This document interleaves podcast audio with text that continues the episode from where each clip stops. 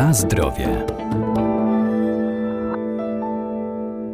Wiosna to czas, w którym zwiększa się dostęp do warzyw, a to źródło zdrowia i urody. Największą ich wartością są witaminy. Zawierają również wiele innych cennych składników odżywczych. Warto teraz sięgać m.in. po wartościowy rabarbar.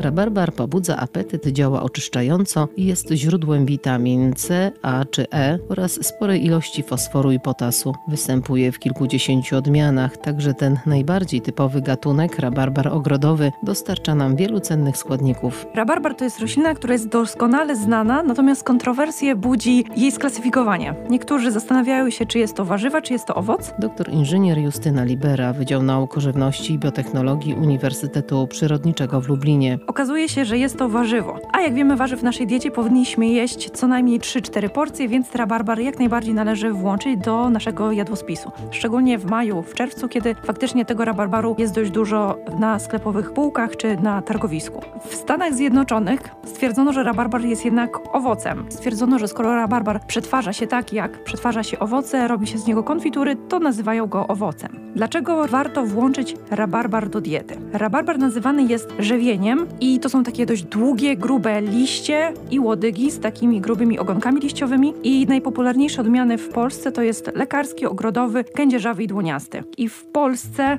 bardzo często wykorzystujemy rabarbar, bo jest on powszechnie dostępny, szczególnie właśnie w sezonie takim wiosennym. W Chinach z kolei rabarbar jest wykorzystywany jako roślina lecznicza ze względu na swoje bardzo cenne właściwości. I rabarbar jest bardzo bogaty w różnego rodzaju garbniki, w różnego rodzaju substancje, które przyspieszają przemianę materii. Przyjęło się uważać, że rabarbar jest bardzo pożądany, jeżeli mamy choroby przewodu pokarmowego, takie jak niestrawności, ponieważ może on wykazywać działanie ściągające. Rabarbar ma w sobie wiele witamin, składników mineralnych, jest bardzo bogaty w witaminę C, witaminę A, ma bardzo silny potencjał przeciwutleniający i uważam, że warto go wykorzystać w diecie, szczególnie teraz, kiedy jest tak duża podaż tego surowca roślinnego na rynku. W rabarbarze jest jeszcze jedna bardzo ważna substancja, rapontygenina. To jest taka substancja, która ma właściwości przeciwutleniające, przeciwalergiczne, przeciwzapalne. Ten związek okazało się, że działa bardzo dobrze w profilaktyce różnych chorób. Dokładnie glukozyt, rapontycyna może być wykorzystany w leczeniu nowotworów.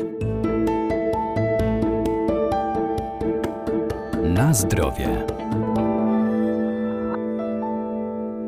Pomimo tak wielu zalet, nadmierne spożywanie rabarbaru może nieść ze sobą pewne ryzyko ze względu na zawarte w nim szczawiany. Jedyną wadą rabarbaru jest to, że zawiera dość dużo szczawianów. Musimy pamiętać, że szczawiany to są dość niepożądane związki w naszej diecie, które lubią łączyć się na przykład z wapniem i tworzyć nierozpuszczalne kompleksy. To znaczy, że jeżeli zjemy rabarbar w towarzystwie jakiegoś posiłku bogatego wapń, to prawdopodobnie cały ten wapń zostanie związany przez szczawiany w rabarbarze i nie wchłonie się nam wapni ten do naszego organizmu. Natomiast nie jest to dużym problemem, bo wapnia jemy dość dużo w naszej diecie i warto łączyć właśnie potrawy, w których występuje rabarbar z potrawą, produktem, który jest bogaty w wapń. Zachęcam do zastosowania chociażby rabarbaru zamiast owoców do przygotowywania ciasta. W tym wariancie, właśnie biorąc pod uwagę to łączenie się rabarbaru, tych szczawianów rabarbarowych z wapniem, warto byłoby w tym cieście wykorzystać chociażby budyń, żeby ten wapń z mleka połączył się ze szczawianami z rabarbaru i dzięki temu ten wapń z naszych kości, z naszych zębów pozostanie nietknięty. Z rabarbaru można przyrządzać wszelkiego rodzaju konfitury, możemy zrobić z niego koktajl, możemy go wykorzystywać do przygotowywania ciastek, kruchy, ciastów biszkoptowych. Rabarbar możemy właśnie przetwarzać tak, jak przetwarzamy chociażby jabłka, czyli można robić z niego wszystkie możliwe przetwory, nawet na zimę.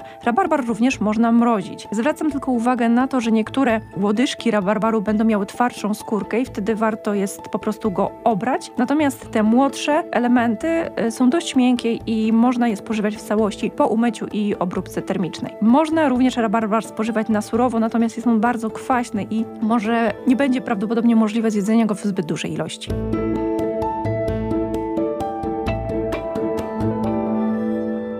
Najpopularniejsze wykorzystanie tego warzywa to klasyczny domowy kompot podczas gotowania. Prozdrowotne składniki obecne w rabarbarze przejdą do roztworu, a jego kwaśny smak można zneutralizować dodając inne słodsze owoce, np. truskawki, jabłka czy brzoskwinie.